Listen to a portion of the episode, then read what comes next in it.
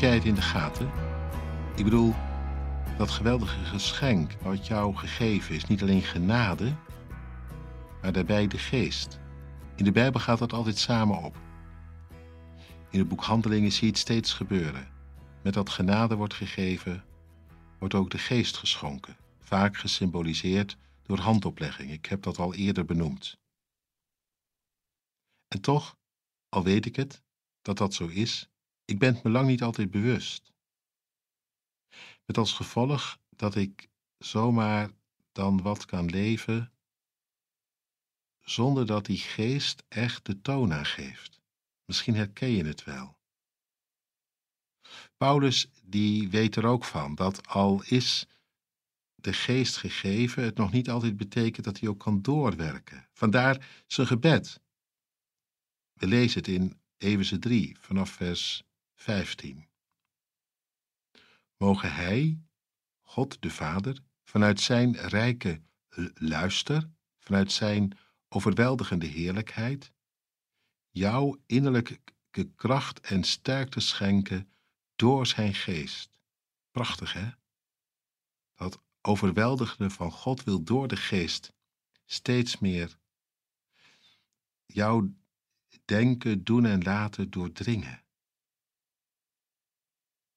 Op zo'n manier dat, ja, dat van Christus, dat dat in jou de toon aangeeft. Hoor maar, zodat door uw geloof Christus kan gaan wonen in uw hart en u geworteld en gegrond vest blijft in de liefde.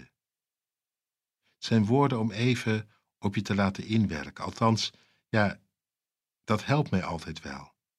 Laat het eens even doordringen door de geest dat van Christus zo in mijn denken, in mijn doen, dat ik geworteld en gegrondvest word in de liefde. Dat dat de basis is van mijn bestaan en dat dat bloeit en groeit. Je voelt wel aan, mooier kun je het niet krijgen. Maar wat is het nodig tegelijk? Dat we daarop doorbidden voor onszelf en voor elkaar. Want iedereen weet, hoe waar het ook is dat de geest in je woont, dit gaat toch niet vanzelf.